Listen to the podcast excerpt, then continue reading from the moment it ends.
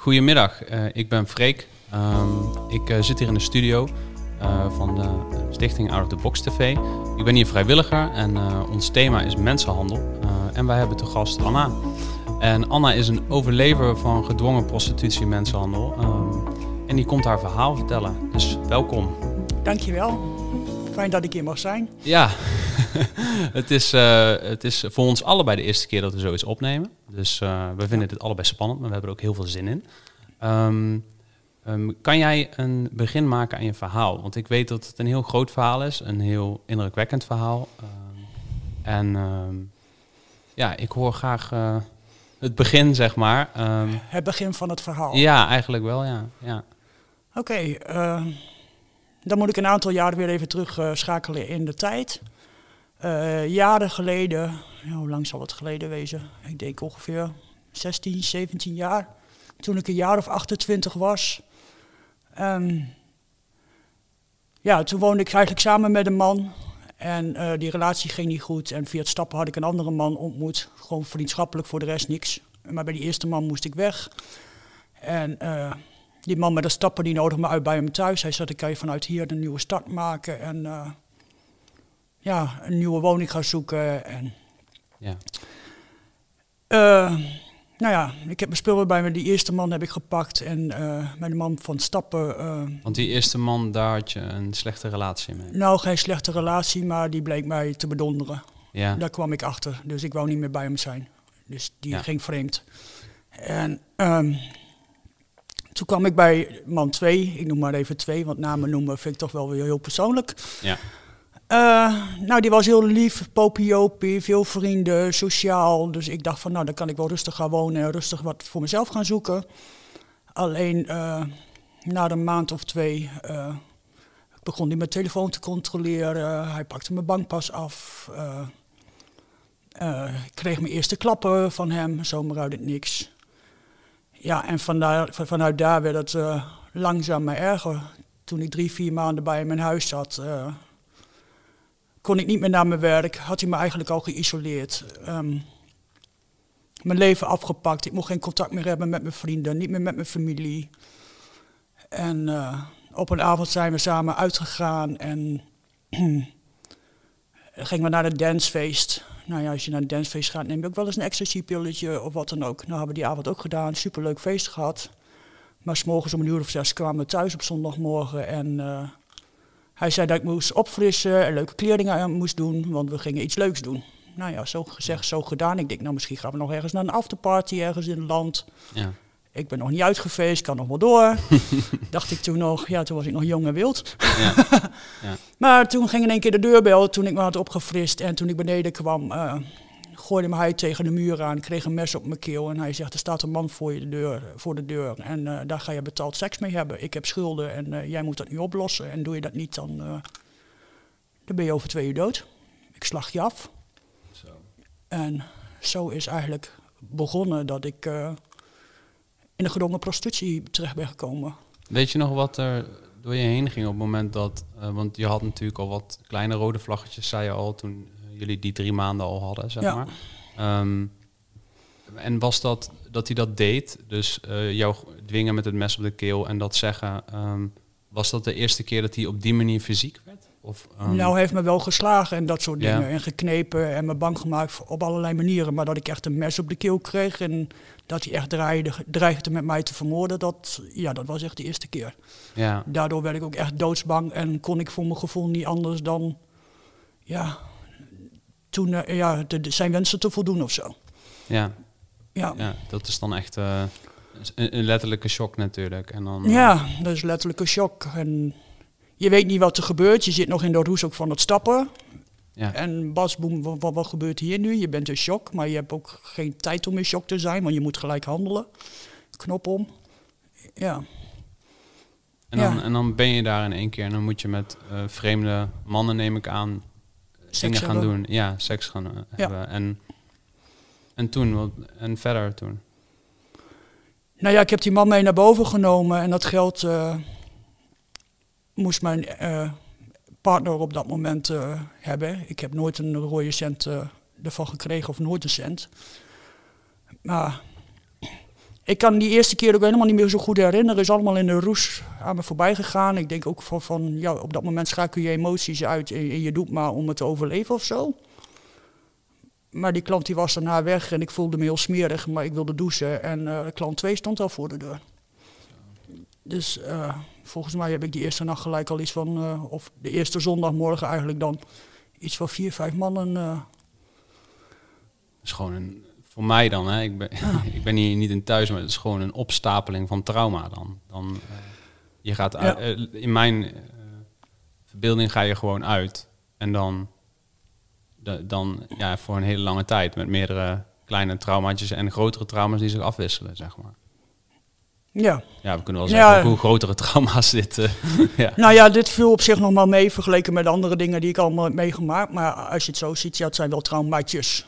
Ik Ja. heb veel ergere dingen met hem meegemaakt. En eh, Want vertel verder, want dat was het eerste, ja, de eerste keer Ja. dat zoiets gebeurde. En toen? nou ja, de volgende morgen, eh, ik werd wakker of zo. Ik heb gelukkig nog wel een keer kunnen slapen. Werd ik wakker en nou, toen zat hij huilen bij mijn bed. Het spijt me zo en ik heb dit niet willen doen. En ik hou van je en ik wil je niet kwijt. En ja, kwam die aan met de bos bloemen en nam mij mee uit eten. Ja, het typische loverboy eh, praatje, zeg maar. Ja. En ik had nog steeds zoiets van, nou, dit, dit, dit overkomt mij niet. En hij was zo verdrietig en hij schaamde zich zo. Ik denk, nou, het zal toch echt wel zo zijn, weet je. Ik geef hem nog maar een kans en het zal wel goed zijn. Maar twee, drie dagen later begon het weer opnieuw. En ehm, ja, ik weet niet in de jaren tijd hoeveel klanten ik wel niet heb gehad. Ik denk dat ik gemiddeld zes dagen in de week aan het werk moest. Ik mocht ook niet slapen. En eh, nou, ik zat denk ik eh, tussen de 6 en de 12, 13 man per dag. Keer 150 euro per uur. Dus dat, eh, al dat geld dat ging naar hem. Ehm, daarnaast eh, kikte mijn ex er echt op dat ik eh, geen gewoon sekswerk deed. Ik moest hem van altijd eh, de meest walgelijke extreme dingen doen.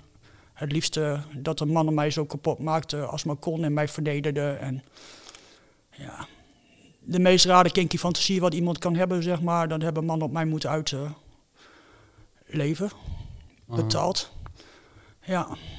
En eh, foto's eh, van mij die, die kwamen op internet, bijvoorbeeld op kinky.nl. ehm, dat is een site waar alle sekswerkers eigenlijk van Nederland hun advertenties maakten. Ja. Hij maakte de advertenties. Eh, ik wilde echt stoppen en eh, hij dreigde er dan mee om de foto's naar mijn familie te sturen. Dat hij nooit meer wat met mij te maken wou hebben. En nou, het laatste wat je wil natuurlijk is dat je familie erachter komt wat je doet. Hmm. Want er gaat natuurlijk ehm, veel schaamte is er dan. Ja, schaamte, viezigheid. eh, hoe, hoe ga je, je je ouders weer onder ogen komen Ja. als je, je ouders weten van wat voor wereld je belandt? Je voelt je zo klein. En hij was zo, zo vol met macht. Hij werkte ook als rechercheur bij de politie. Dus eh, hij had kanalen. Dan moet je nagaan, hij is, hij is van de politie.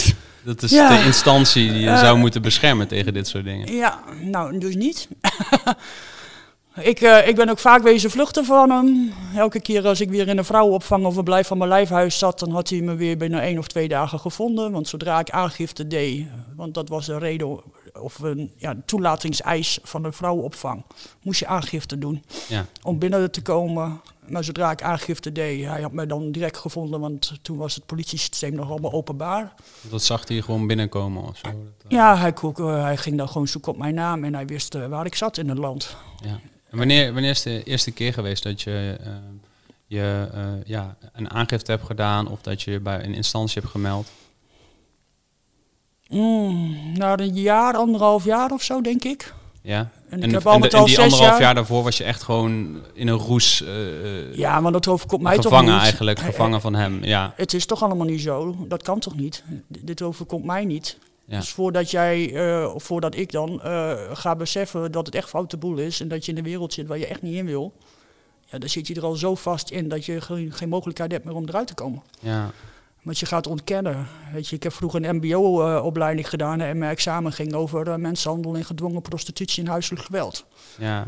Bizar, en hè? daar heb ik een hartstikke hoog cijfer ja. op gehaald. En tien jaar later zit ik zelf in die wereld. En dan, je bent alleen maar aan het overleven. En als je aan het overleven bent, je komt niet bij je gevoel, je kan niet nadenken. Ja, En net wat ik zeg van, eh, eh, veel dagen werken, veel klanten gehad. Ik mocht blij wezen als ik misschien drie uur in de week kon slapen. Eh, dus ik was op. En ik was alleen maar weer bezig.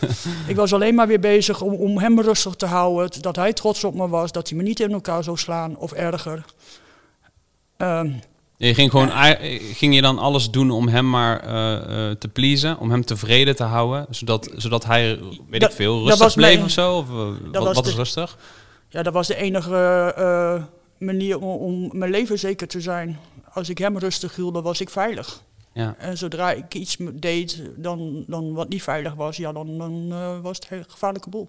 ja, ja. Ja. Dus hem rustig houden was veiligheid eigenlijk een soort van voor jezelf inbouwen. Ook al is dat natuurlijk niet zo, maar ja. Nee, het was hartstikke onveilig. ja. Ja. En toen de eerste keer, eh, na anderhalf jaar zei je, heb je eh, je ergens voor aangemeld of ergens naartoe gegaan? Nee, ik ben gevlucht. Ja, Ik, heb, eh, ik ben echt naar de politie gegaan. Ik heb aangiftes gedaan. En eh, ja, er zijn zelfs met klanten en zo eh, zijn er filmsopnames eh, zijn er gemaakt. Want ik moest hem bewijzen dat ik die dingen deed die hij van me eiste. ja, En dat moest ik eh, op film zetten, dus ik had mijn laptop bij me. En nou, dat heb ik gedaan om hem maar weer tevreden te houden. En vervolgens op een vluchtpoging neem ik die laptop mee naar de, de politie. En laat ik die films zien. Of ik lever de laptop in om die films te laten zien om te bewijzen van wat ik heb moeten doen. Ja, en dan eh, zes weken later of zo hoor je van de politie, nou mevrouw, je kan je laptop weer ophalen. En, eh, maar we doen niks met deze beelden, want je komt vrijwillig over. Ja, natuurlijk kom ik vrijwillig over, want eh, de dood hangt boven mijn hoofd. Ja. Weet je, dus je moet wel in die rol en doen alsof je het leuk vindt, terwijl het Ja. afschuwelijk is dat je door de ja hel je heen bent gaat. een, een rol aan het spelen, je bent ook Ja. aan het acteren, je bent gewoon aan het overleven. En, Ja. en ja, ik, ben, ik kan niet voor de politie spreken, maar het lijkt me heel lastig in te schatten om of iemand vrijwillig of dat of niet doet, zeg maar. Het is zo moeilijk onder een gedwongen, in een, je zit in een gedwongen kader, toch? Of in een gedwongen eh, situatie, dus ja. Ja, ja. en dat is En nu... toen? En, en, Nou ja, en toen, toen niks. Daar deden ze niks mee. Ik heb al met al, eh, ik denk, eh, zeven aangiftes gedaan, 34 politiemeldingen. Ehm, het was zijn woord tegen mijn woord. Elke keer als ik weer aangifte deed en ik zat onder de blauwe plekken of, of wat dan ook, dan zei hij van ze was dronken, ze is van de trap afgevallen. Er, waren geen getuigen, alles speelde binnen vier muren af. Dus ja. En hij weet als regisseur natuurlijk precies hoe zijn collega's eh, hem verhoren, want hij doet dat normaal gesproken ook zelf in zijn werk. Dus hij was heel goed ook om de politie te manipuleren. Ehm, de buren hebben zelfs aangifte gedaan eh, tegen hem, omdat ze mij hoorden schreeuwen van de pijn en angst en hulp. En eh, vervolgens zegt de politie van, of tenminste werd hij weer gearresteerd en toen zei hij van, nou we hadden een Nederlandse speelfilm op staan. Dat hebben jullie gehoord. Jullie hebben haar niet gehoord. We hebt een Nederlandse speelfilm op, eh, hadden we op staan. Ja, bewijs dan maar als slachtoffer en als buur eh, dat ik het was. Ja, en daar was hij gewoon heel sneaky in. ja, Hij en hij weet precies, natuurlijk wat hij eh, wel niet moest zeggen, wat hij wel kon Ja. zeggen, ja. Ja, Dus dat was elke keer zo. En, ehm, en op een gegeven moment, toen ben jij gevlucht. Op een gegeven moment naar tig opvanghuizen, ondergedoken gezeten bij vrienden. Hij is zelfs bij mijn familie is hij langs geweest, heeft mijn familie bedreigd met een pistool om te achterhalen waar ik ben.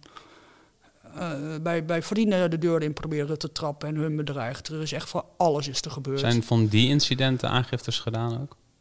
Ja. Ja. Ja. enkele zijn er echt wel aangiftes van gedaan, maar ook dat was weer niet voldoende. Dus eh, ja, ik voelde me zo wanhopig, alleen, angstig en ik wist gewoon niet meer waar ik het zoeken moest. Echt niet meer.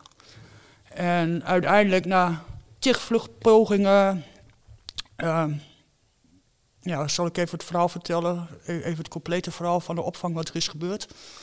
Ik zat een keer aan de andere kant van het land en eh, in de opvang was ik net nieuw. En toen ben ik naar de, naar de, de gegaan. Ik heb een nieuwe simkaart gehad voor mijn telefoon met een nieuw nummer. En eh, naar de bibliotheek daar gegaan om een nieuw e-mailadres aan te maken. En toen heb ik mijn ouders een mail gestuurd van... Mam, pap, eh, maak je geen zorgen. Ik zit daar en daar. Dat en dat is mijn telefoonnummer. Als er wat is in de familie, dan kunnen jullie mij bereiken. Nou ja, zo gezegd, zo gedaan. En ehm, ik denk, nou kan hij me even niet meer vinden. En toen ging s'nachts om twee uur ging de telefoon. Ik denk, nou, mijn ouders bellen toch niet s'nachts om twee uur. Maar goed, ik neem wel op. Had ik mijn ex weer aan de telefoon. En eh, hij zegt, ik weet dat je daar en daar zit. Ik kom nu naar je toe en ik slag je helemaal af. En iedereen die probeert tegen te houden, daar ben ik niet bang voor. Ik ga met alle liefde voor je zitten als ik jou maar dood. Dus ja, ik weer in paniek. Eh, ik naar beneden naar de hulpverlening, die daar ook s'nachts aanwezig waren. die hebben geregeld uh, dat ik met de trein uh, weer naar de andere kant van het land moest. En uh, daar zou de politie op mij staan wachten om mij naar de opvang te brengen. Want ik kon niet daar in die locatie blijven, want er waren de andere vrouwen en personeel kwamen ook in gevaar. Dus ik moest direct ja. weg voor iedereen's veiligheid en vooral voor mijn eigen. Nou ja, ik zat weer in de trein, weer op weg naar de, de volgende opvang. Ik ben echt de tel kwijt hoeveel hoor, maar ik ben zo vaak wezen vluchten. Doodsbang. En dan kom je daar op een station en dan staan er in één keer uh, 10, 15 man ME'ers. En die halen me met z'n allen uit de trein. En ik had zoiets van, wat gebeurt hier? Uh, ik ben ja. geen crimineel, ik ben geen terrorist. Zwaar bepakt, helms op, boeien, pistolen, ze. En ik, wow. En aan het einde van het station stuk voor stuk gaan ze in één keer weg. Dus ik vraag aan die laatste ME'er van, uh, goh, waar gaan jullie naartoe? Want ja. uh, ik, ik, moet daar en daar ergens in de opvang, maar ik ben hier helemaal niet bekend. Ik ben in Noord geweest. Ja, mevrouw, we hebben alleen uh, de melding gekregen dat we u veilig uit het station moesten halen. Maar ja, nu moet ik het verder zelf doen. Dus hoe moet ik dat zien? Heeft iemand dan letterlijk tegen de politie gevraagd of een verzoek gedaan van kunnen jullie haar... Ja bij het station begeleiden. Ik neem aan dat zo'n hulpverlener bedoelde wat meer dan het station. Uh. Ja, misschien hadden ze andere belangrijke zaken of zo. Ik weet het niet. Dus ja. ik stond één stap buiten het station en de politie was weg en de ME was weg. Zoek het maar uit. Nou ja, dan sta je daar. Ja, ja dus, wel bizar. ja, dus vervolgens ben ik daar ergens in een lege de Zels uh, terechtgekomen. Ja, en, en toen hoorde ik weer via via... Nee, via, via mijn vrienden dat die bedreigd werden en die waren angstig en ik moest terugkomen om hun leven veilig te stellen. Nou, toen ben ik maar weer teruggegaan naar hem om ja, mijn, ja, mijn dierbaren te beschermen. Want hij zei dat. Hij, hij... Ja, hij bedreigde ja, dat. Ja, dat hij hun namen contact mee, mee op. En ja. Uh, ja, in die plaats had ik ook vrienden zitten die hij ook al bedreigde. Dus ja, en toen op een, nou weer maanden later... Uh, toen had je weer maanden bij hem gezeten. Ja. ja. Maanden later, uh, ja, wat gebeurde er toen? Uh, had ik zoiets van, uh, ik moet geld gaan sparen om te gaan vluchten, want ik ben bij mijn vrienden ben ik niet veilig, ik ben de opvang niet veilig, ik moet een manier vinden om weer zelf weg te gaan. En uh, zonder dat hij het wist, heb ik mijn uurprijs omhoog gegooid, 20 euro voor de klanten. Ja. En in de voortuin uh, zat een grote stoeptegel. Die heb ik eruit gehaald, gat gegraven en daar een kistje in gedaan. En één keer in de week stopte ik al die briefjes van die twintig erin. Zodat ik geld ging sparen. Kopie van mijn legitimatie, kopie van de schooldiploma's en meer zat er niet in. En uh, ja, totdat op een avond, dat was uh, ja, ergens in het voorjaar, in 2010... Uh, wilde die cocaïne halen in uh, een grote stad. En hij ging s'morgens om zes uur weg. En ik dacht, als hij nu weggaat... en uh, het was vlak met Koningsdag, dan ben je drie, vier dagen ben je verder... gaat hij zwaar in gebruik. En dan weet ik zeker, als hij zwaar in gebruik is... dat ik dan dat hij levensgevaarlijk wordt. Ja. Ik denk, ik moet nu weg. En nou ja, hij ging weg. En ik heb toen heel snel mijn tas, mijn kleren gepakt... die stoeptegel uit de tuin geropt... En uh, ben wezen rennen, rennen, rennen, rennen, rennen. Um, uiteindelijk bij een uh, bushalte terechtgekomen, waar op dat moment de bus aankwam. Ben ik ingesprongen. Naar een andere grotere stad gegaan. Heb daar een uh, auto gehuurd en ik heb een paar weken ondergedoken gezeten, gezeten ergens in een staakkerf in, in de landerij ergens van Nederland. Hm. En maar ja, mijn geld raakte op. Dus dat 2000 euro in wat ik bij elkaar had gespaard. En dan zegt wel weer hoeveel klanten ik heb gehad. Als ik 20 euro uh, ja, per klant uh, verdiende, zeg maar. En uh, daar in de buurt woonden oude vrienden van me. Ik wist hun adres niet, ik had hun telefoonnummer niet, maar ik wist wel waar hun huis stond. Nou, dan ben ik toen heen gegaan met openbaar vervoer. Ik heb een brief in de brievenbus gedaan.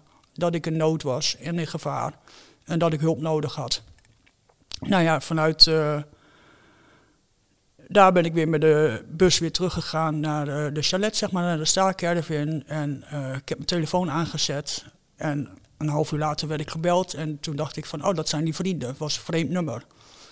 Ja. Nou ja, en toen had ik gelijk uh, mijn ex weer aan de telefoon. Van, ik weet dat je daar en daar bent. Ik hoorde geluid van de auto op de achtergrond door de telefoon. En ik ben nu onderweg naar je toe. En... Uh, ik snij je helemaal open, ik uh, trek je hart eruit en iedereen zal weten wat voor smerig mens je bent en dat je niet te vertrouwen bent en oh wat haat ik je. En, en op dat moment kwam er een wisselgesprek binnen en aan de andere kant kreeg ik die vrienden van vroeger aan de telefoon. En, en die riep ik echt om hulp van, joh, jullie moeten nu komen, hij is onderweg naar mij en ik ben hier niet meer veilig en ik weet niet meer wat ik moet doen. Nou, die zijn gelijk in de auto gesprongen, hebben me opgehaald, net op tijd. En... Uh, mee naar huis genomen, waar ik een half jaar uh, heb ondergedoken gezeten bij hun thuis. Want ik durfde ook weer niet naar de politie toe te stappen, want dan denk ik, dan moet ik weer aangifte doen. En als ik aangifte doe, dan heeft hij me weer gevonden en dan gaat het riedeltje weer opnieuw. Ondertussen ook wel heel begrijpelijk, na al die ja. aangiftes, incidenten. Je vertrouwt de politie al niet meer omdat je, je, je, je partner, ex-partner politie is. Maar als het systeem dan ook nog zo valt, ja, bij wie moet je aankloppen? Je kan gewoon helemaal niks meer. Ja. Je hebt daar een half jaar ondergedoken gezeten. Ja, en toen via een hulpverlenersorganisatie, uh, die hebben, uh, heb ik mijn verhaal moeten vertellen bij maatschappelijk werk. En die geloofde mijn verhaal niet. Daar heb ik echt meerdere keren heen gegaan, want mijn verhaal was echt te extreem en mm te heftig. Kijk, wat ik nu vertel is het topje van de ijsberg, maar de, de, de details, dat, dat is nog veel, veel meer. Ja. En uh, ja, bij die vrienden kon ik ook niet blijven, want hun prijzen, alles ging ook omhoog. Hè. Ze moesten voor mij, eh, want ik had geen inkomsten, extra eten, ehm, het water, de elektriciteit, alles ging omhoog. Ze wilden dat ik daar ook huur ging betalen. Nou ja, heeft de maatschappelijk werker eh, uiteindelijk kunnen regelen dat ik in de opvang terecht kwam, dat ik in thuisloze opvang. En daar heb ik zeven maanden gezeten voordat ik urgentie kreeg. Uh, daar kreeg ik al snel de diagnose uh, complexe PTSS, zwaar ja. getraumatiseerd door alles wat ik heb meegemaakt. En uh, de behandelingen begonnen, alleen ja, de behandelingen die waren gewoon heel erg zwaar. Het ging gewoon niet goed met mij en die organisatie wist ook niet zo goed wat ze met me aan moesten. Maar toch door blijven gaan. Wat voor behandeling kreeg je? Ja, het was meer praten van, van hoe gaat het nu met je, waar loop je tegenaan? En ja, maar ik zat zo strak onder de medicatie om mezelf rustig te houden. Weet je, ik kreeg ongeveer acht uh, oxazepam per dag en slaapmiddelen, omdat ik continu paniekaanvallen had. In de opvang mocht ik de eerste maanden ook gewoon niet naar buiten vanwege mijn veiligheid. En ik was gewoon doods en doodsbang. En de politie uh, die was dan bezig uh, met een nieuwe nationaliteit aan te maken om naar Frankrijk toe te gaan, zodat ik Nederland definitief zou gaan verlaten. Die wilde dus een nieuw paspoort voor me aanmaken dat ik naar Frankrijk uh, zou gaan. Definitief mocht ik nooit meer contact hebben met mijn familie en mijn vrienden. Ik kon niet meer, ik was al zo lang gevlucht. Het idee was echt van uh, de politie of de grid, zeg maar. Dus gewoon helemaal weg. Ik moest helemaal weg, definitief. Okay. Mocht nooit meer naar Nederland. In plaats van, uh, ja, sorry, wat in mij opkomt dan is ja, of de grid, maar in plaats van degene pakken die verantwoordelijk is hiervoor, denk ik dan. Ja, nee. Oké. Okay. Nee, nee, nee, ze hebben hem nooit gepakt. Als hij werd voor, uh, opgepakt, dan was het maximaal 72 uur en dan werd hij vrijgelaten. Ja. En als ik bij wijze van vandaag uh, begin september aangifte zou doen over hem, dan was het pas in mei voordat het bij de rechter komt. Ja, en tot die tijd was ik al niet veilig. Dus ik mocht ook geen uh, een rechtszaak ervan maken vanwege, van de politie, vanwege mijn eigen veiligheid. Ja, ja. Want ik, ja, ik was gewoon letterlijk en figuurlijk gewoon in gevaar. Ja, en toen uh, hadden ze je gevraagd, uh, uh, dat van Frankrijk, om zeg maar een soort van off the grid te gaan. En toen, want dat heb je niet gedaan geloof ik? Nee, nee, nee, ik had zoiets van, dat lost mijn problemen niet op. En dan, dan, ik woon in Nederland, ik ben een Nederlander. Ehm, ik, ik wil hier blijven, hier is de hulpverlening. Al, al, zag ik die op dat moment niet, maar... Ja ik denk van, ja, de vreemde taal, de vreemde cultuur, ik spreek geen Frans en hoezo, dan ben ik in één keer een Française, dat kan toch helemaal niet. En gewoon het idee om mijn familie nooit meer te zien, en ja, dat kon ik ook niet aan. Ik denk, dat vermoord je me maar. Weet je, ik ben zoveel gevlucht. Ik kan niet meer vluchten, helemaal niet naar het buitenland. Ik ben op. Dan Ja. vermoordt hij me maar. Nou, toen uiteindelijk met de politie eh, gesproken en die zeiden van nou, misschien is het een goed idee voor een aversysteem. Dan is een kastje wat je bij je hebt zodra je naar buiten gaat. Als je dan eh, je partner of ex-partner signaleert, dan kan je op de knop drukken en dan eh, krijgt, eh, krijg je gelijk contact met de meldkamer van de politie. En daar sta je bekend als code rood. Ja. En via dat kastje kun je op dat moment, kan de politie gelijk zien waar je bent. Dus ehm, als je net als ik van stad naar stad vlucht, dan weet je ook niet meer welke straatjes je zit, wat er allemaal gebeurt. Dus dat duurt allemaal veel te lang. Dus, en het was voor mij een veilig idee, zodra ik op knopje drukte, politie liet alle meldingen vallen en kwam gelijk dan als eerste naar mij toe. En vanaf dat moment eigenlijk stopte een beetje het kat-en-muisspel tussen hem en mij. Want ik ging niet meer op de vlucht, wat hij had gedacht. Ik bleef waar ik bleef en ehm, ja, hij, hij werd toen uiteindelijk werd rustiger.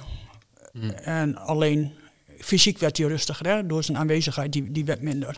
Maar goed, in mijn hoofd en in mijn systeem eh, is die continu eh, was die aanwezig. Ja. Nou ja, na zeven maanden kreeg ik urgentie. Kon in die stad blijven. Eindelijk, dat was de eerste keer dat ik daar kon blijven in die opvang. En kreeg ik een huis. En toen dacht ik van, oh, nu ga ik een nieuwe eh, toekomst opbouwen. Ik heb eindelijk een thuis, eindelijk een plek voor mezelf. Eindelijk weg uit de opvang. En welk jaar zitten we, hebben we het nou over? 2011. Oké. Ja, 2011 heb ik eh, ja, de urgentie gekregen en de woning. Ja. Oké. Ja. En toen dacht ik van, eh, toen ik mijn sleutel had van, nu ga ik een nieuw leven beginnen. Maar wat er toen gebeurde, dat was eigenlijk nog een grotere hel als ervoor. Want da- daarvoor zat ik in overlevingsmodus. Ja, alles gaat langs je heen. Maar toen ik op mezelf kwam wonen, toen ging ik eigenlijk pas beseffen wat er allemaal gebeurd was al die jaren. En hoe bang ik was. En ehm, ja, ik durfde niet te slapen s'nachts, want bij elk geluidje zat ik recht op een bed. Eh, de hulpverlening viel onder me weg, eh, achter me weg. Eh, mijn huisgenoten had ik niet meer. Dus in één keer was ik alleen, alleen. Ja, en toen kwamen echt wel de muren op me af. Maar goed, ik liep nog steeds bij de, de GGZ. En ik had op zich best wel een goede psychologe. En heel erg tevreden mee. En daar voelde ik me ook veilig bij. Maar op de een of andere dag zei ze tegen mij van... eh, Anna, het spijt me, maar ik moet stoppen. Ik eh, krijg een andere functie eh, en ik moet met jouw behandelingen stoppen, vertelde ze mijn tranen. En toen dacht ik, oh shit. Weet je, heb je eindelijk iemand die naar je luistert, die, die je serieus neemt en dan valt diegene weg? En vervolgens moest ik een half jaar wachten op een nieuwe psycholoog. Hè, want wachtlijsten en te weinig psychologen in Nederland. En eh, toen werd ik opgebeld of ik er problemen mee had dat het een man was. Aangezien met mijn verleden. Ik denk, nou ja, nee, als ik maar psychische hulp krijg, eh, ja, man of niet, eh, alsjeblieft zo snel mogelijk. Ja. Nou ja, een week later kon ik komen en ik zat bij die man in de spreekkamer en ik denk van, ik ken jou, ik ken jou, ik ken jou, maar ik weet niet, waar ken ik jou van? En ik denk van, dit voelt niet goed. En toen ging ik onderweg naar huis, na het gesprek, en toen dacht ik van, oh shit, dit was een klant van me. Ja, dat heb ik ook nog meegemaakt. Gewoon mijn psycholoog was een klant. Mijn eerste instantie herkende ik hem niet, omdat het een hele andere setting was dan in mijn slaapkamer. En hij had kleren aan natuurlijk. Ja. Ja, en toen heb ik eh, die organisatie weer opgebeld van sorry, ik stop met die behandeling, want ik, ik kan dit niet. Ja, mevrouw, waarom kan je dit niet? Ja, ik zeg van, ik weet niet of ik dit wel kan vertellen. Hè, van, hoe ga je naar een organisatie vertellen dat hun personeel, eh, toch? Ja. Nou ja, ze moesten het met alle geweld weten. Dus uiteindelijk heb ik toch verteld van, eh, ja, de psycholoog eh, was een klant van mij. Ik voel me echt niet veilig en bij hem wil ik niet in behandeling. Nou, en toen hebben ze gezegd van, mevrouw, je bent te complex, we trekken de stekker eruit. zoek het zelf maar uit. Oké. Zonder, zonder dat verhaal te checken Dat, dat weet ik niet wat ze onderling met hem doen of maar niet. ze hebben jou sowieso dat, eh, die boodschap ja, gegeven. ja, mijn behandeling werd acuut eh, gestopt en eh, zoek het zelf maar uit. Nou ja, en vanuit daar ja, zit je steeds in vreemde, ja, vreemde plaats. echt vrienden heb je nog niet. eh, sociale contacten niet. En toen had ik zoiets van, ja, ik moet toch wat van mijn leven gaan maken. Ben ik langzamerhand begonnen met vrijwilligerswerk. Ja. Eh, ga koken voor mensen in armoede. eh, een bowlinggroep organiseren, echt verschillende dingen. Zodat ik weer structuur kreeg, nieuwe mensen leerde kennen. Eh, weer een doel kreeg, dat ik mezelf weer nuttig voelde, uh, weer eigenwaarde kreeg. Nou ja, lijkt, me niet, lijkt, me niet, lijkt mij moeilijk als je ook uh, getraumatiseerd rondloopt. Heel moeilijk. Om dan dat te doen. Ja, ja. maar dat heb ik ook besproken op mijn vrijwilligerswerk toen. Die wisten dat ik zwaar getraumatiseerd was. Daar ben ik gewoon open over geweest. Niet gewoon, maar ik ben er wel open over geweest. Ja. En hun zei altijd tegen mij van... Anna, je voel je niet verplicht om te komen... maar als je er bent, is het een cadeautje. Dus je hoeft je ook niet uh, ziek te melden als je niet komt. Weet je, we weten met jou met je PTSS... s'morgens kan je goed voelen... en in vijf minuten kan je een paniekaanval hebben. Ja. Doe wat voor jou goed voelt. En daarin voelde ik me gehoord... en daarin voelde ik me gesteund. Kwam je daardoor juist meer ook? Nou, als het mijn psychische staat toeliet, uh, was ik er zoveel mogelijk. Maar dat was vaker niet als wel. Want doordat juist uh, de GGZ was gestopt ook... en ik probeerde alle ballen in de lucht te halen, uh, houden... Uh, kwamen de trauma's meer als ooit naar voren. Maar je bent wel een, een vechter. Ja, opgeven is geen optie. Nee, ik nee als ik opgeef, dan heeft hij gewonnen. Dat kan niet. Ja. Weet je, dat is al die jaren mijn motivatie geweest. Elke dag. Ik ga Ja. vandaag vechten, vechten, vechten. Want Ja. ja, het is niet alleen... eh, ja, ik had voor hem wat te bewijzen, maar ook naar mijn omgeving toe. Want ik denk als de, de, de, de, de hulpverlening mij niet kan helpen, mijn familie kan me niet helpen, mijn vrienden kunnen me niet helpen, de politie kan me niet helpen, de GGZ kan me niet helpen. Wat moet je dan nog? En ik denk, als ik ga opgeven, heeft hij gewonnen. Want dit is wat hij wilde, dat ik doodging of zelfmoord zou plegen of wat, dan- wat dan Ja. ook. Maar ik denk, ik ga het niet doen. Ik moet bewijzen. En tuurlijk heb ik ook weken gehad of dagen gehad dat ik in mijn bed lag en dat ik echt geen motivatie meer had om eruit te komen. Maar dan vond ik hem wel weer, want ik denk, nee, doorvechten, doorvechten. Ja, En die periode van eh, vrijwilligerswerk en, en wat gebeurde er toen? nou uiteindelijk eh, namen mijn trauma's helemaal de overhand. Want eh, als je te lang te veel stress in je lijf eh, hebt, dan ga je lichamelijk uitvallen. Dus ik had heel veel last van eh ontstekingen in mijn lijf, longontstekingen. ik heb meerdere keren op de eerste hulp gelegen of in het ziekenhuis. mijn lichaam kon gewoon niet meer. En, maar toch maar weer door blijven vechten en door blijven vechten. Opgeven was geen optie.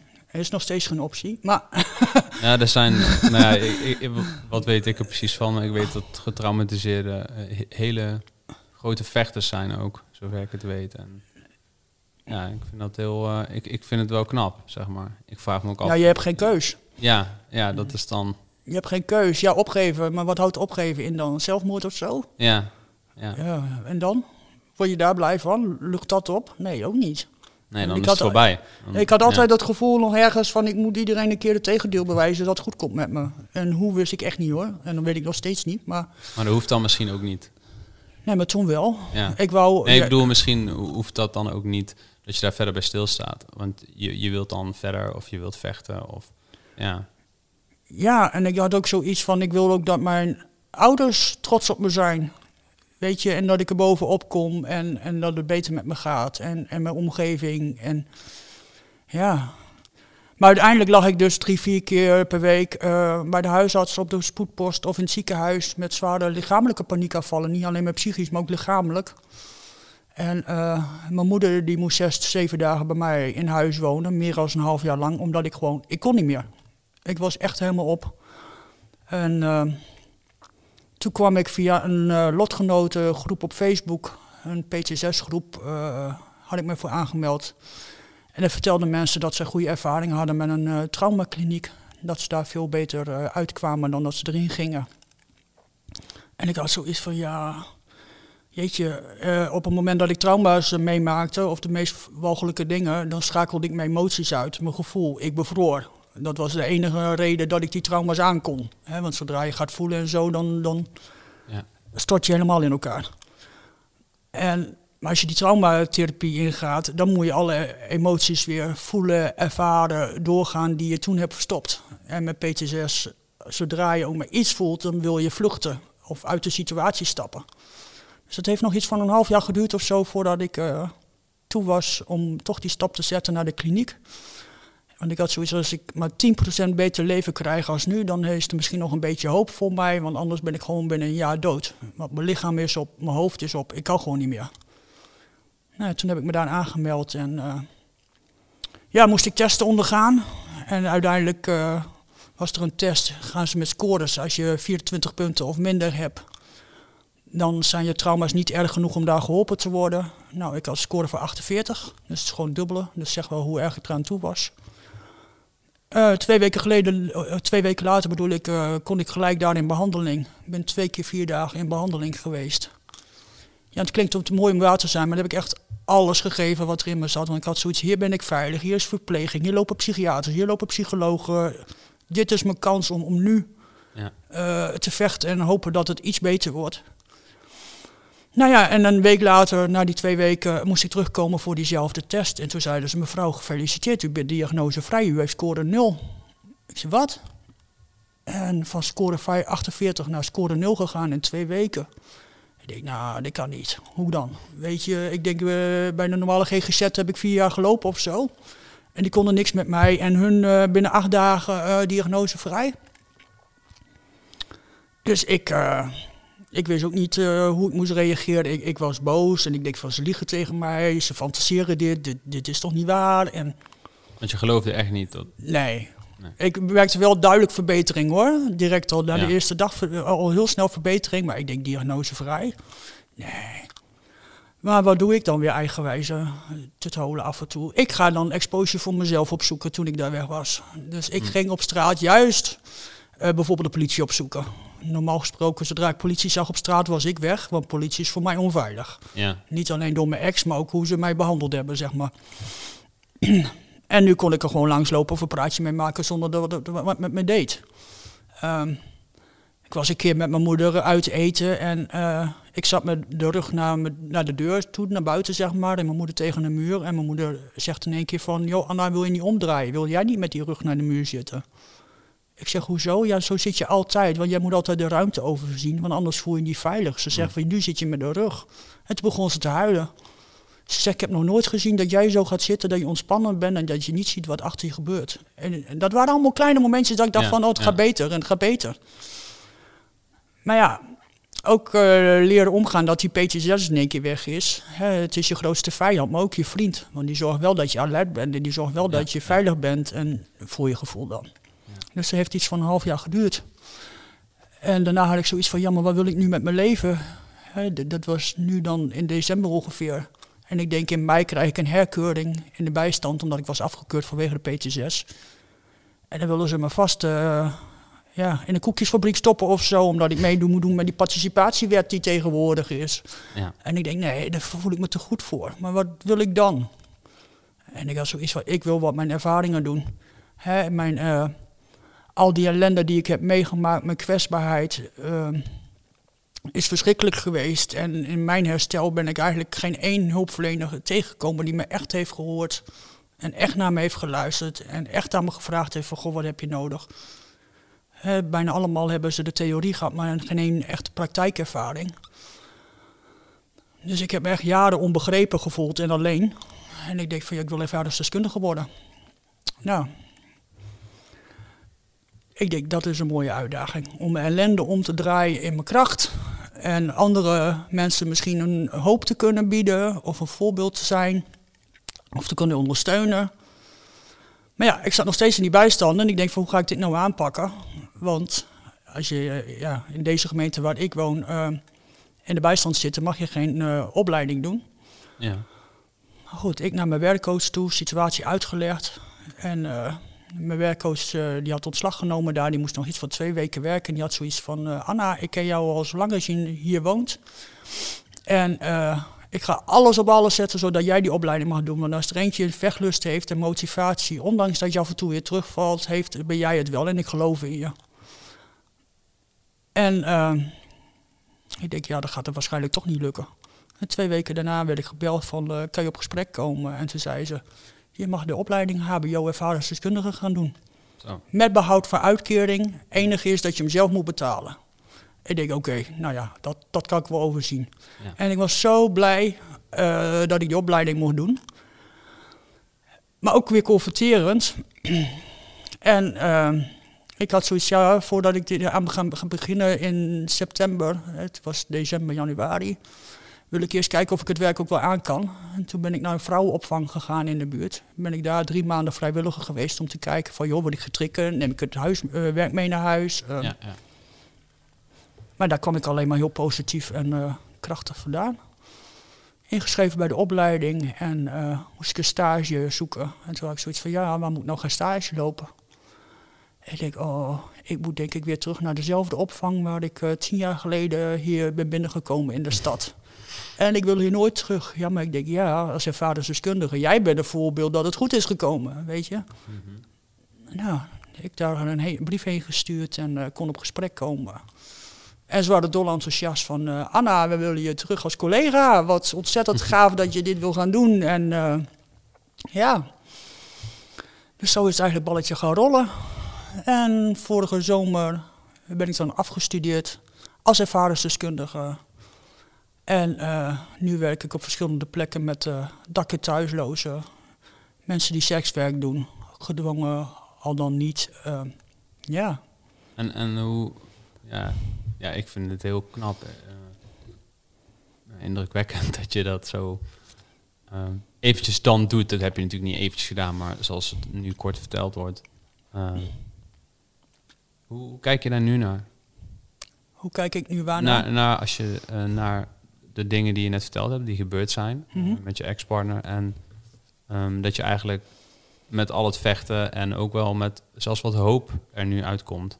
Nou ja, wel wat hoop, met heel veel hoop eigenlijk. Want Ik ben nu hulp voor een ander. ja, ja. Ik ben een voorbeeld dat je eruit kan komen. Ja, weet je, dat is miljoenen waard. Ik had nooit verwacht dat al die ellende die ik had meegemaakt, of heb meegemaakt, dat dat eh, eh, ehm, zo inspirerend kan zijn voor anderen. Maar ook dat ik daardoor echt mezelf heb leren kennen en echt weet wat goed voor me is en wat ik wel wil en niet wil. En ja, ik ben innerlijk zo mooier en krachtiger mens geworden dan ooit tevoren. Hè, van, ja, ik weet waarvoor ik nu ga staan en, en waar ik voor vecht. En ik heb meer zelfvertrouwen als ooit tevoren. Als je zo diep hebt gezeten en, en je vecht jezelf er ook zo weer uit. Ja, dan leer je ook weer om jezelf te waarderen en van jezelf te houden. En als je dat ook nog terugkrijgt voor andere mensen, ja, dan voel je je multimiljonair. Weet je, ja, zo voel ik me dan. Eh, mijn ellende is dus blijkbaar niet voor niks geweest. Al die jaren voor die therapie dacht ik van waarom heb ik het meegemaakt? Waarom? Ik ben slachtoffer van, maar waarom? Ik begreep het nooit. En nu denk ik van, nou ja, misschien was het wel ergens een, een hoger plan, een hoger doel. Of ik ben goed in mijn werk, ik ben goed waar ik nu sta. Ik krijg verschillende aanbiedingen, krijg ik. Heeft het lijden dan betekenis gekregen? Leiden betekenis gekregen. Ja, iets betekenisvols eigenlijk. Nou ja, het Of wil Leiden je heeft... niet zo ver gaan om dat te zeggen? Nee, nou ja, Leiden heeft me uiteindelijk gemaakt wie ik nu ben. Maar ik had liever, als ik mocht terugdraaien, echt niet zoveel hoeven Nee, lijden hoor. nee. Dat had ik nooit weer over willen doen. Als je zegt van joh, je gaat twee keer zoveel bereiken in je leven, maar je moet weer twee keer zoveel lijden. Teken je ervoor? Never, nooit niet. Weet je, ik ga dat echt nooit meer doen. Nee. Nee, dat was echt een hel. Echt, echt een hel. En niet alleen voor mezelf, maar ook voor mijn ouders en voor mijn vrienden en iedereen die met me gevochten heeft. Maar ik was wanhopig, maar mijn omgeving was ook wanhopig. En toen ik met die opleiding begon, had ik echt zoiets van... Nu is de tijd om echt iedereen te bewijzen dat het goed is gekomen met mij. Of komt met mij. Dus vorig jaar in mijn examenjaar ook. Ik heb echt alles gegeven in die opleiding. Alles. En het laatste examen zakte ik. Echt de rest van alle vakken had ik achters en negens. Maar het laatste, laatste examen zakte ik. En ik kon niet meer. En ik denk van, ik moet door, ik moet door, ik moet door. En toen hoorde ik dat ik was geslaagd. En toen dacht ik, oh, fuck you de hele wereld. Dacht ik echt, zie, ik heb het gehaald. En ik had direct al een baan. Voor mijn diplomering had ik al een baan. Ik denk van, nou kan niemand meer Ja. negatief over me praten of slecht, slechte ideeën hebben over mij. En natuurlijk, ik heb ook nog steeds te maken met, met stigma Ja. en dat is best wel ingewikkeld. maar goed, ik denk dan ook van, joh, die mensen die weten gewoon niet beter of die zijn angstig of die durven zelf niet in de spiegel te kijken. Ehm, ja, ik heb niks gedaan in mijn verleden met hem waar ik voor gekozen heb, weet je. Ik ben overal toe gedwongen. Ja. En ja, dan kunnen me- mensen me wel een hoer vinden of me smerig vinden of dit of dat. Maar dan denk ik van, joh, je hebt geen recht voor spreken, want je hebt geen idee van waar ik vandaan kom en hoe Ja. ik gevochten heb. En eh, Ja, want, Ja. want kom je, is het frequent, het stigma wat je tegenkomt nu? In je Ja. werk of in... in nee, in mijn werk niet. Maar als ik bijvoorbeeld op een verjaardag ben bij, bij iemand, even als voorbeeld, en ik, eh, eh, en ik ken niemand niet en niemand komt naast me zitten, goh, wie ben jij? En ik zeg van Anna en ze vraagt, nou, ben je getrouwd? Nee. Woon je samen? Nee. Heb je kinderen? Nee. Nou, dan zie je ze al zo aankijken. Mm, En vervolgens zeg je dan, zeggen ze dan, nou, wat voor werk heb je? En als ik dan zeg, ik ben ervaringsdeskundige, en dan krijg ik vervolgens, oh, en waarin denk jij dan dat je ervaringsdeskundige bent? Weet je, ik ben ook ervaringsdeskundige. Ik denk, nou, daar gaan we weer, weet je. dus ik heb ook allemaal niet het gevoel dat ik dingen dan moet uit gaan leggen. hoe, hoe, ga je, hoe ga je daarmee om? Oh, ik zeg nu dat ik hulpverlener ben. Ja, Ja, ik heb zoiets van eh, de mensen aan wie ik wil vertellen wat ik ben en waar ik vandaan kom, doe ik met alle liefde en plezier. Wil ik alle tijd voor nemen, maar ik ga niet meer mij moeten verantwoorden eh, tegen anderen. nee, wat ook helemaal nergens over gaat. Nee. Nee, want dat is toch, eh, weet je, er zijn altijd mensen zijn het er mee eens en zijn het er niet mee eens. Ja, En dan denk ik juist als zo op een verjaardag, dan denk ik, nou, vraag aan me wie ik ben. Weet je, wat zijn mijn hobby's? Wat vind ik leuk? Wat vind ik lekker? Wat is mijn favoriete vakantieland? Ehm, welke schrijver vind ik goed? Eh, nou, zo leer je mij kennen, toch? ja. Maar niet ja. al elke keer die hokjes.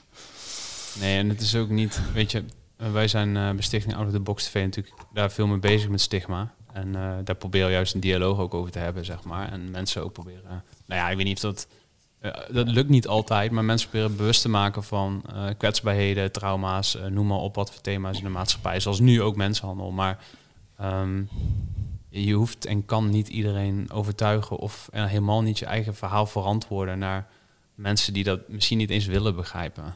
Dat, eh, Daar ga ik niet eens mijn best voor doen. Nee. Nee, nee.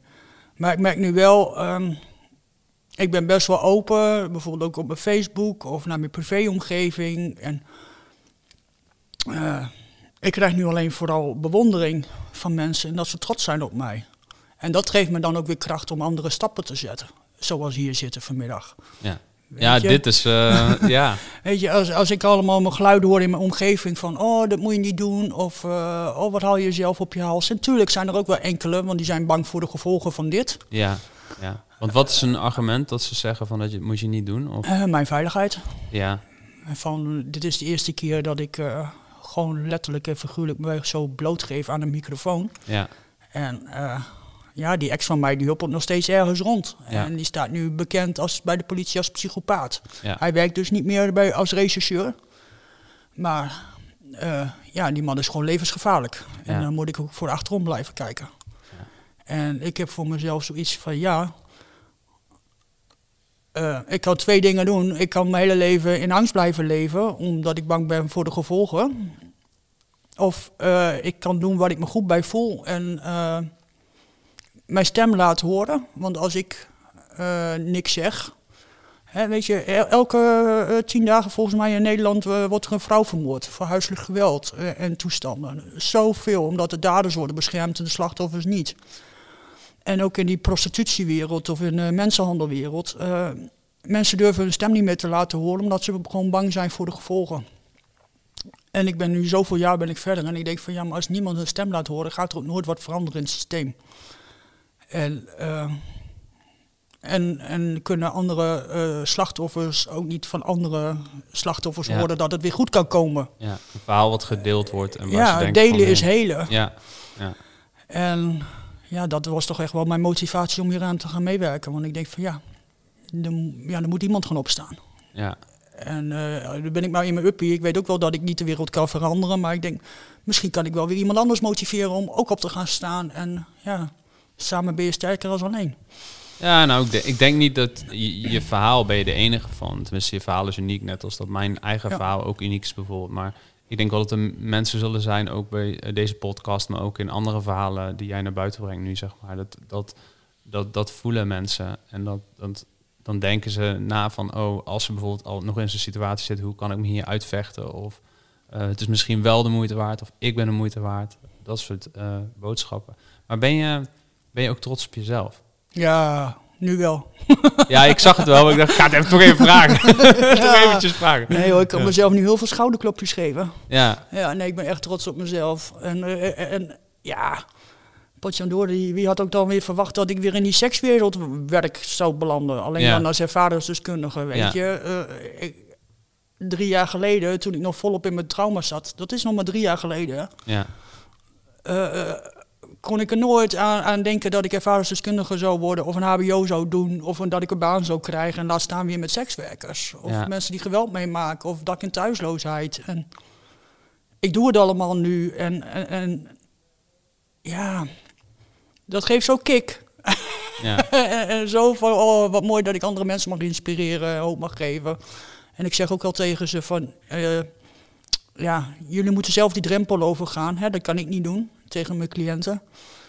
Maar ik kan wel naast je staan om je te ondersteunen. Ik kan achter je staan om je op te, op te vangen. Maar jij moet het doen. En dat Ja. is ook zo in het herstelproces. Weet je, niemand heeft mijn proces kunnen eh, doorlopen of mij daarmee kunnen helpen. Maar wel naast me kunnen staan of me op, eh, opvangen. Dat was gewoon heel belangrijk geweest. Luisterend oor. ja, Ja. ja, en nu komen er steeds mooiere aanbiedingen. Ik ben vorig jaar afgestudeerd en eh, komen er op mijn pad. En ik heb zoiets van, de wereld ligt nu voor me open. Drie jaar geleden waren alle deuren gesloten. Ik kon geen kant op. En nu is alles mogelijk. ja, En dat is ook wel ehm, overweldigend, ja, eng. Maar af en toe weet ik het ook niet waar ik het moet zoeken. Of hoe hou ik balans. Of, eh, ja, want ik ben enthousiast en ik wil alle uitdagingen wel aangaan. Maar dat stukje zelfzorg en eh, grenzen bewaken, dat eh, blijft een, eh, een Ja. thema.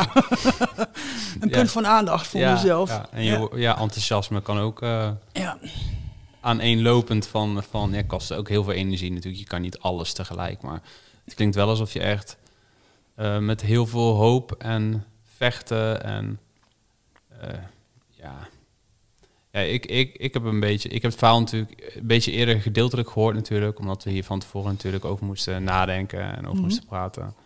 Maar ik blijf het indrukwekkend vinden. Ik, eh, ik denk van ja, ik weet niet hoe ik mij in zo'n situatie had gedragen, zeg maar, of wat ik had gedaan en hoe ik me eruit had gevochten.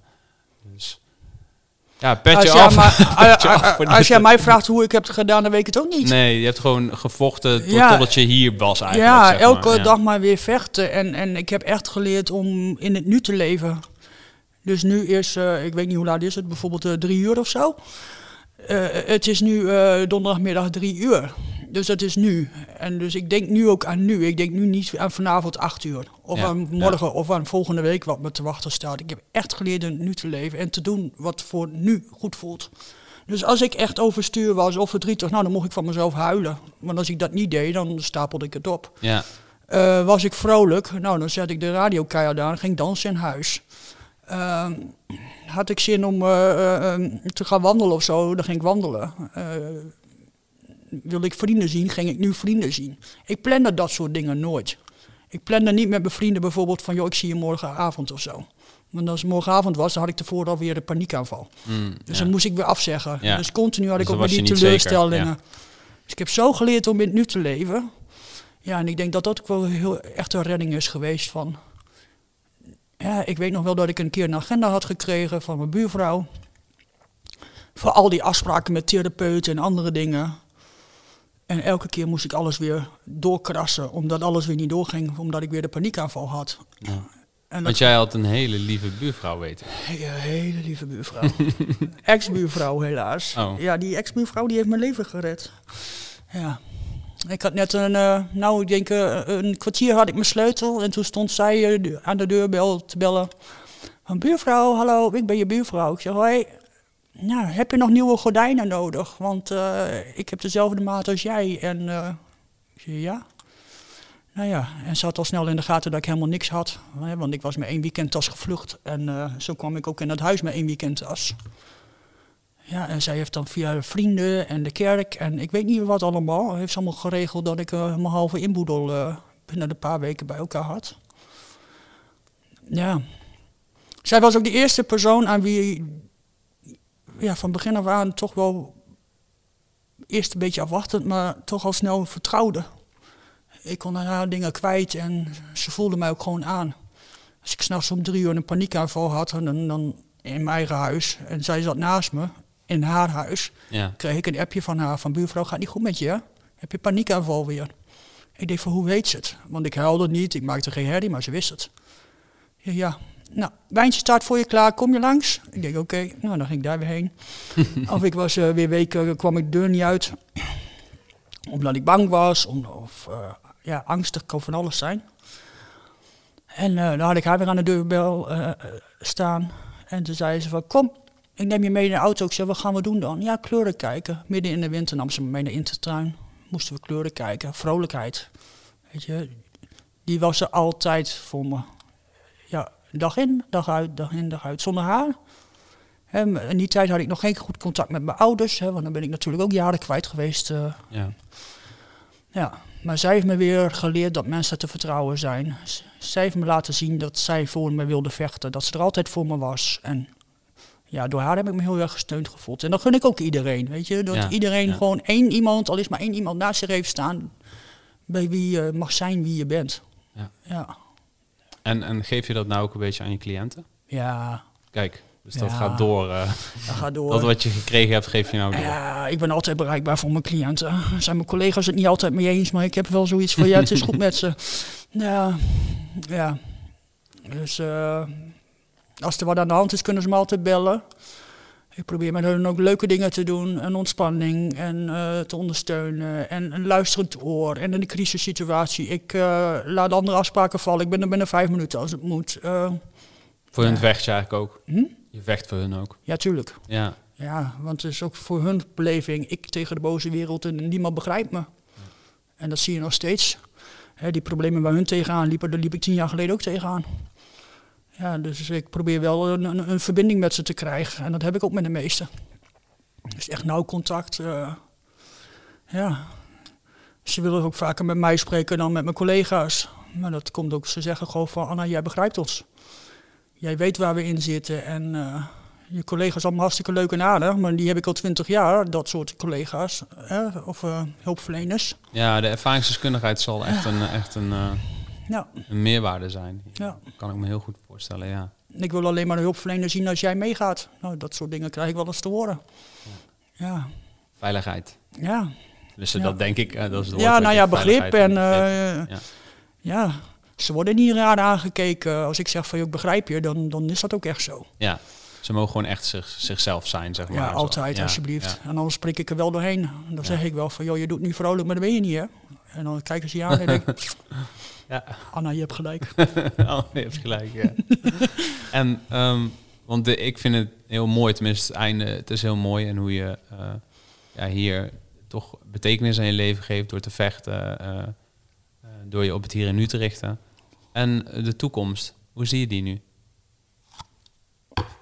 Vol verrassingen. Vol verrassingen, ja. Ja. ik heb geen idee. Nee, weet je, ik, ik zeg altijd wel van, van, ja, ik zeg altijd tegen mezelf en ook tegen mijn cliënten, weet je, het verleden wat er is gebeurd, kan je niks meer aan veranderen. Dat is geweest. En hoe graag je ook dingen wil veranderen, gaat je gewoon niet lukken. Toekomst is onzeker. Je kan allemaal wel plannen hebben en ideeën hebben, maar je weet het gewoon niet. Maar je weet wel hoe je vandaag opstaat en een beetje hoe je vandaag je dag inplant. Ja. Dus ehm, ik verwacht echt wel, of ik denk echt wel dat er nog meer uitdagingen op mijn pad komen. En ik wil zeker door met dit werk als ervaringsdeskundige met sekswerkers. Ik denk dat er een hoop te behalen is. Ja, En, ehm, ja, en wat voor rest voor uitdagingen op mijn pad komen, ik heb geen idee. maar de, zon over- schijnt wel meer? De, de- Ja, ja. ja, ja, ja. Dus de- dat vraag ik, maar dat zie ik natuurlijk ook wel. De zon schijnt heel wat meer. Ja. Ja. Ja, maar het is wel even, even heel erg wennen. Weet je, als jij tien jaar thuis hebt gezeten, afgekeurd, dag in, dag uit, alleen. Ja. En je bent nu in één keer vijf dagen in de week aan het werk. En Ja. met ongeveer nog drie uur reizen per dag Dat erbij. is heel veel, ja. Dan, ja, op een, een of andere manier komen mijn sociale contacten op een laag pitje te staan. En andere dingen, dat vind ik wel weer jammer. Ja, ja je moet ook goed voor jezelf blijven zorgen. Ja, dus als ik nu thuis kom, dan heb ik af en toe even geen zin meer om mensen te spreken. Of dan wil ik gewoon een Netflix-avond houden. En dan moet ik gewoon even tijd hebben om op te laden. Ja. En dat doe ik dan ook. En de volgende morgen gaat mijn wekker om zes uur. En dan sta ik weer aan en denk, jee, ik mag weer vandaag. Hoe fijn is dat? Ja. En zelfs in de file denk ik van, ah, ik doe er toe, want ik sta er gewoon tussen. Ik hoef niet in bed te liggen tot 's morgens Ja, 11 ja, uur. Weet je, Je- je, bent weer een onderdeel van de maatschappij. Ja, precies. En dat is ook zo fijn. ja, dat is een fijn gevoel. Dat Ja. je meetelt, meedoet. Ja. Ja, tuurlijk. Ja. Ja. je eigen waarde weer. Ja, Nou, hartstikke, hartstikke mooi. Ehm, ik denk dat het zo wel, wel goed is. Ehm, Oké. Tenminste, of heb je echt nog iets wat je graag wilt delen? Of laatste woorden? laatste woorden. Ja, en ik zou zeggen, vecht door. Als mensen zijn zoals ik, geef niet op. Weet je, het is echt de moeite waard. En ehm, blijf bij je gevoel, bij je intuïtie. En neem niet alles klakkeloos aan wat andere mensen tegen je zeggen. Of Ja. hulpverleners. En net als bijvoorbeeld die traumakliniek ook. Eh, mijn huisarts die wou absoluut geen verwijsbrief stra- schrijven, want die kende die kliniek niet. Had ze geen, niet- nooit van gehoord. En ik had zoiets, ik moet erheen, ik moet erheen, ik moet erheen. Eh, waarom wist ik niet. Ja, behalve die Facebook-recensies dan. Maar dat was mijn intuïtie. En ik ben zo blij dat ik heb doorgezet. Ondanks dat de huisarts dat niet wou. Want anders had ik hier nooit gezeten. Weet je, had ik nooit bereikt wat Ja. ik nu heb bereikt. Dus als je dingen tegenkomt in het leven waarvan je het gevoel hebt van die moet je doen. Linksom, rechtsom, vooruit, achteruit, maakt niet uit hoe. Maar vecht ervoor en eh, dan komt het vast allemaal goed. Ja. Ja, Hele mooie late, laatste woorden. Dankjewel. Oké. Ehm, hartstikke bedankt dat je hier was. Ehm, ik ben onder de indruk. Ik ben ook al trots op je. En ik ken je nog niet eens zo goed. dankjewel. Dus eh, eh, ik hoop dat iedereen eh, hier met, eh, ja, goed nou, nou heeft kunnen luisteren en ook iets uit het verhaal heeft kunnen halen. Jullie kunnen op later tijdstip, als we dit posten, kunnen altijd gereageerd worden.